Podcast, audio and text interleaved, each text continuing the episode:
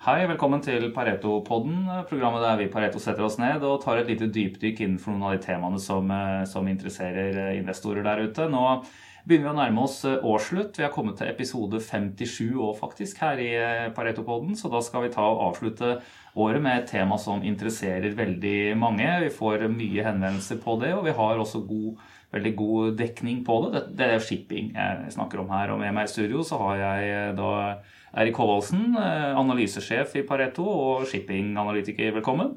Takk. Du, Vi satt her for eh, et drøyt halvår siden og lagde en podkast hvor temaet var analysearbeid i koronatider. Fordi da var det liksom alt eh, Det var, det var høyt støynivå på, på, alt i markedet. Så har dette her endra seg en del siden den gang, og vi, vi skal snakke om, om, shipping som tema etterpå. men, men når jeg først har deg i studio, altså, dette må vel være året hvor liksom vi, vi, vi, fikk testa kan du si, halesannsynligheten i en del av de scenarioene som analytikerne dine har i regnestykkene sine? Ja, det, det, tror jeg man trygt kan si. Vi har hatt eh, ekstreme utslag da, fra på en måte det verste makrosjokket man kan tenke seg. Altså, det er jo det alle har man har snakket om de siste tre årene. Hva er det som skal på en måte deraile dette markedet? Det må komme et makrosjokk, og så kommer det et makrosjokk som er på en måte hinsides det man kunne forvente seg. Um, og da må man ta fram kalkulatoren på å se hvilke selskaper som overlever, hvilke selskaper som strukturelt uh, har noe for seg og, og, har balansen til å være der uh, gjennom en vanskelig periode. Ja, Dette er jo ongoing i en del bransjer, uh, kanskje mest innenfor noe næringseiendom, den type ting mm. fortsatt. Men så kom det jo også en, en stimulansepakke ja. rundt omkring i verden her, som også var vel hinsides noe man kunne ha ja, sett for seg. Den, den Fed-putten og da de, den og all mulig annen fiscal, altså penger, både finanspolitisk da, stimulus i tillegg, har man jo også fått sett, fått se da, fått bekreftet at, at kommer når man trenger den. Eh, mm. Så, så, de scenarioene fra på en måte å regne på overlevelse i i uh, mars-april, og så begynne å se liksom at hva, hva, hva, er på andre siden av dette. Både med tanke på strukturelle endringer, mm. men også hvilke selskaper som faktisk kan tjene ordentlig på, på, bare det vi skal gjennom, bare hvordan 2020 har utviklet seg. eh, har, jo, har, jo, påvirket analysefokuset og analysearbeidet i år, vil jeg si. Både særlig innenfor mer interesse og fokus på tech-aksjer. Mm. Uh, Retail har jo hatt et kanonår etter hvert, disse aksjene og, og selskapene.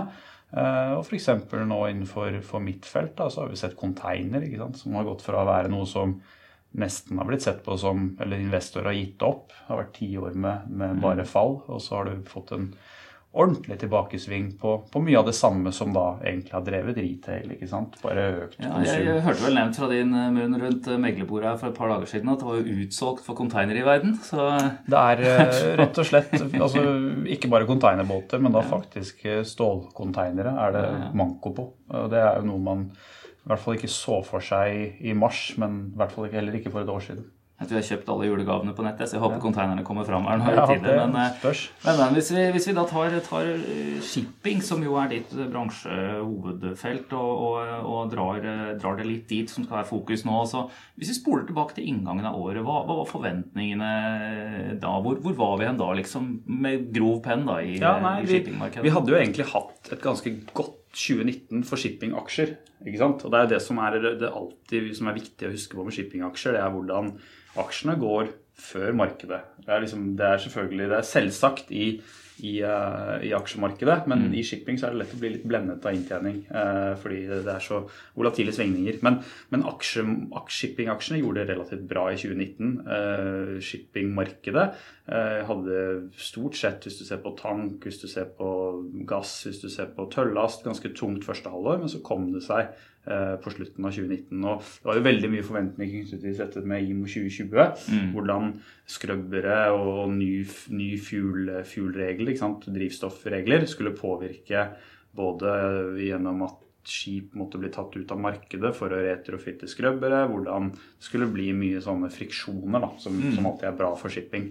Uh, så, så, det var liksom inngangen til 2020, var at nå hadde vi hatt et et 2019 som på en måte viste en, en gradvis forbedring underliggende. Aksjene hadde til en viss grad priset inn det i noen segmenter, det så vi jo. Um, Men, men 2020 skulle liksom bli starten på en sånn flere års bullsykkel da, innenfor shipping. Det og, det, og, dette var jo tema også i januar-februar, liksom, når man, eh, når man, kom inn i, i, eh, i året. Men så, så, kom uh, siste halvdel av Q1, og ja. uh, det begynte i, i Kina. Hvordan, uh, hvordan, så dere dette her? Nei, altså, det som er interessant, er at shippingaksjer og shippingmarkedet var jo noe av det første du så egentlig korona i.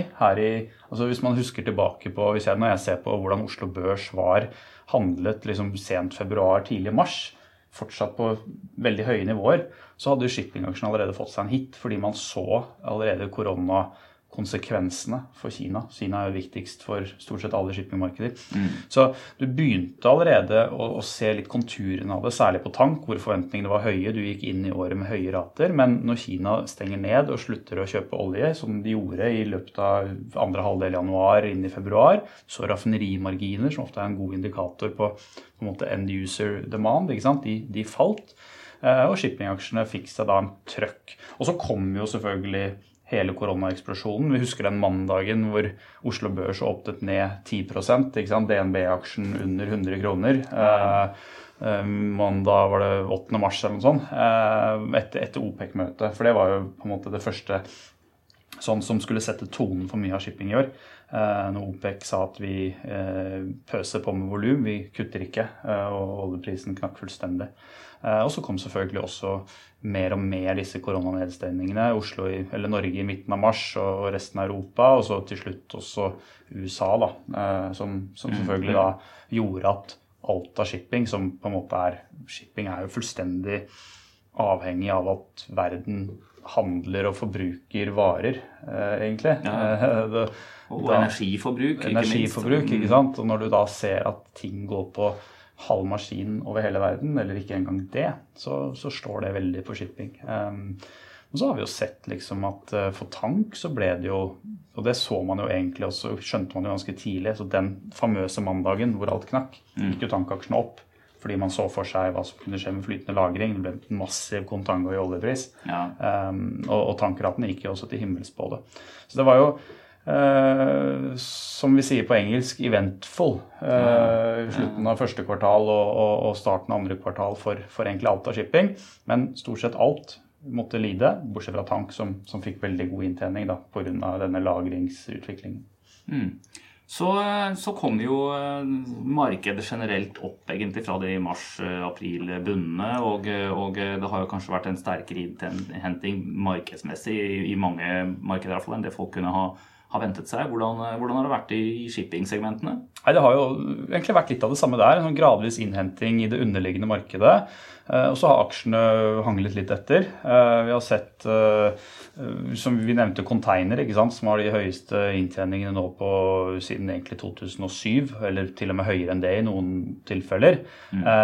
Så, så, fantastisk inntjening. Det er særlig noen danske aksjer som har gått veldig i det segmentet. Ja, der. Se, på Mersk, som har gått 200% siden bunnen. Eh, men, men, det er klart Mersk sin kontantstrøm sånn som ting er nå, er jo helt fantastisk. Så det, det, det ja, og den er svær aksje. Um, uh, men har, det er ikke bare container. Ikke Man har sett LNG-rater har gått veldig nå, fordi du endelig har fått jeg føler liksom Hvert år så, så, blir det skuffende varmt i Asia, så da blir gassprisene i Asia lave. Så da ja. blir det ikke noe av ordentlig den, den, den spredden som skal til for å få LNG-raten i taket. Um, den har nå, Og det tikker og går nå. altså LNG eh, Shipping har fantastisk inntjening nå, og mer positivt bilde vil jeg si enn de to siste vintrene. LPG har jo vært eh, rockestjerne egentlig siden juli, eh, og, og, og, godt og godt og godt. Og det er nok drevet Eh, delvis av den konsumboomen vi har hatt. Da. For du bruker LPG mye i sånn petrokjemiske prosesser til å lage ting av plastikk. Mm. Eh, som selvfølgelig mye greier blir Mye, mye plastiketterspørsel om dagen. Eh, og du har hatt tøllast. har vært liksom, Det, var, det kom, hentet seg greit inn etter kollapsen i, i, i første andre kvartal. Og så har det hanglet og gått og er kanskje bedre enn fryktet, det også. Tank har jo vært uh, tungt, selvfølgelig. Der får du den hangoveren etter et fantastisk uh, første andre kvartal. Um, men inntjeningen for tankselskapene mm. i år blir jo veldig god. Det er tørrlast, tørrlast er mye som er tørt som kan fraktes på, mm. på, båter. Men man ser jo at en del metallpriser, aluminium, kopper, sånne ting, har jo, har jo gått sterkt de siste månedene. Eh, mens, eh, mens jordbruksvarer har egentlig ikke noe sånn voldsom innsikt i. Men, men, er det noen spesielle segmenter som peker seg ut der? Nei, altså Det er jo klart at delvis grunnen til at ting går såpass sterkt, sånn som malmpriser, ikke sant, som er tilbake til ja, høyeste siden i hvert fall 2012, så vidt jeg kunne se på, på, på historien. Um, det er jo drevet litt av manko på tilbud. At du mm. har litt lite i forhold til etterspørselen. Og det er ikke nødvendigvis bra for shipping. men men, men, det er klart det er jo ekstremt interessant å se på det som skjer på mye av råvarer nå. Uh, shipping er jo en del av råvarekjeden. Uh, midstream på en måte legget.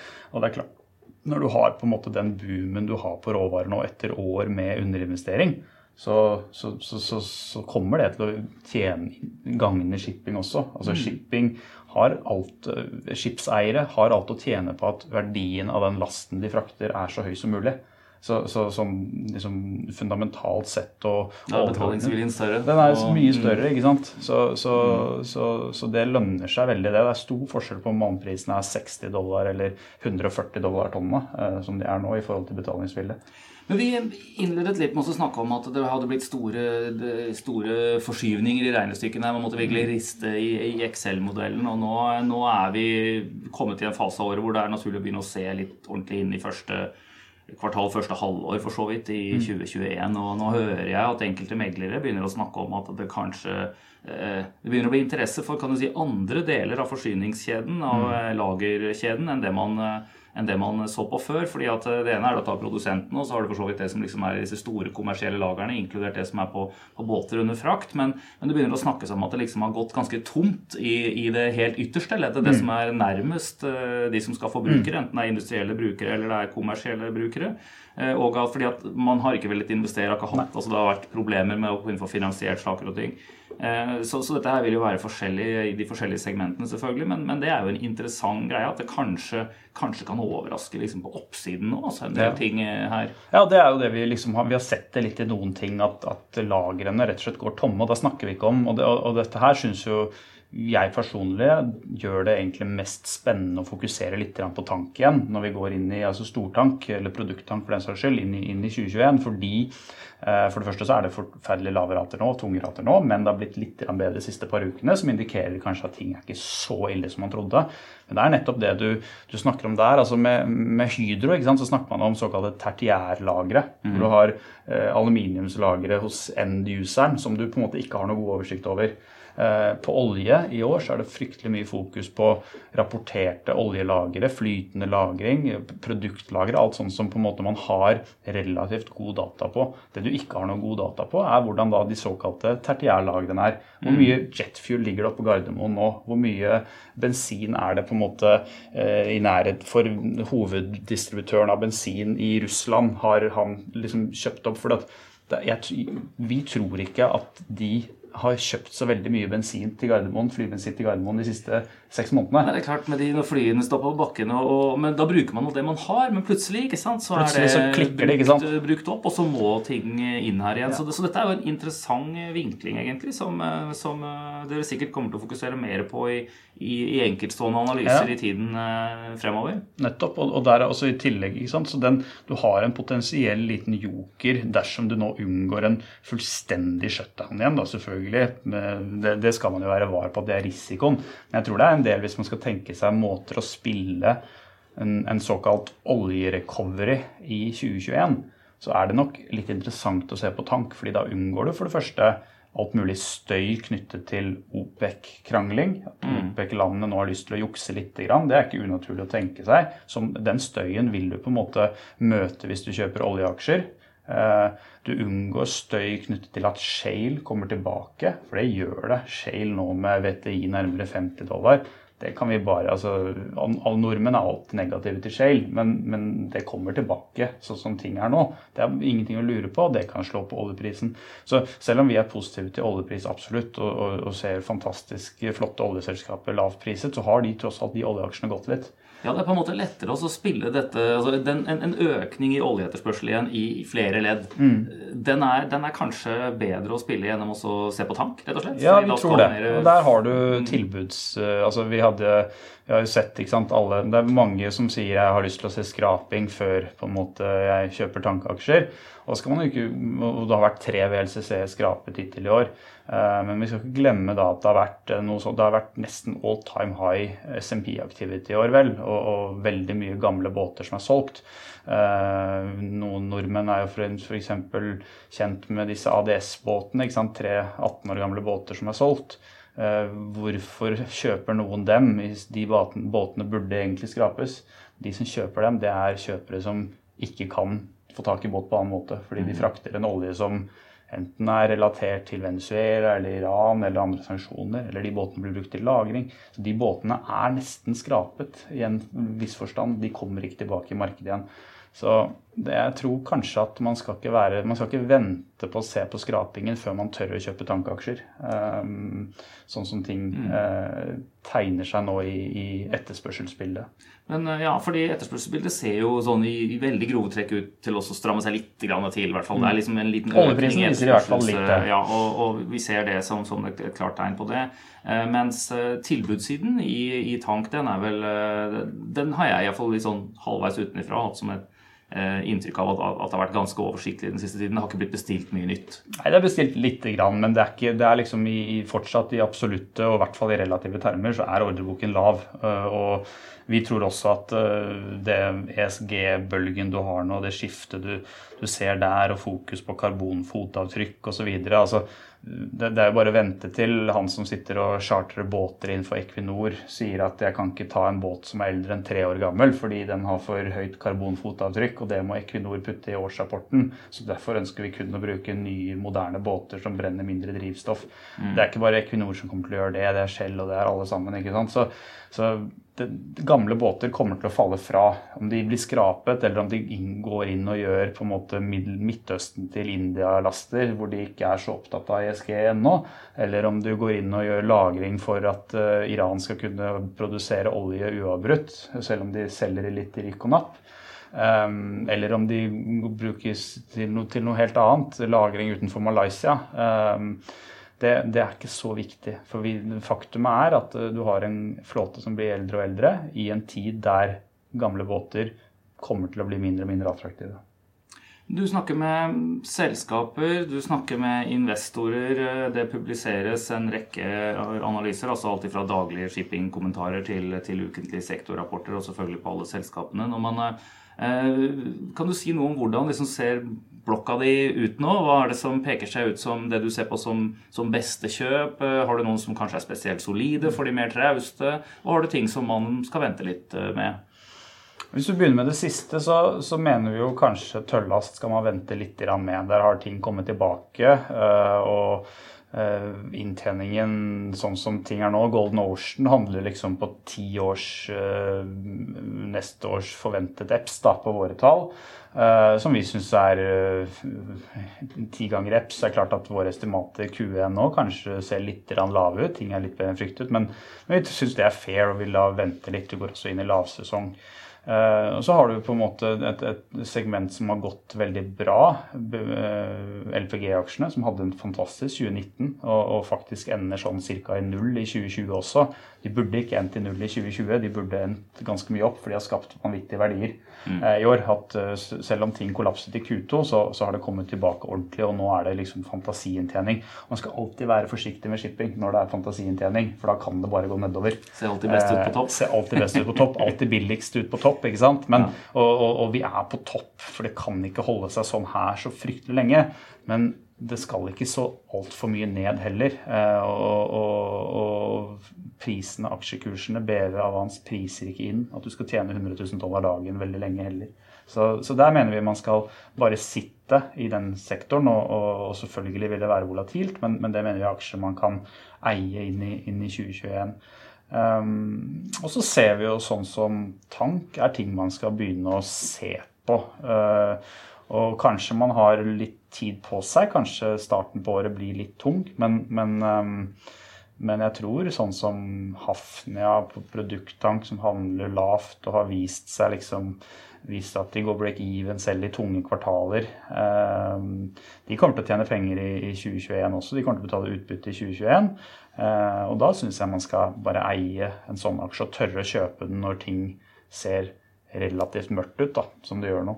Ikke vente til liksom, du har fått ratene opp igjen og du har fått skrapingen opp og aksjen plutselig er 40% høyere. For det vet vi at i shipping det, det, skjer veldig fort når det først snur.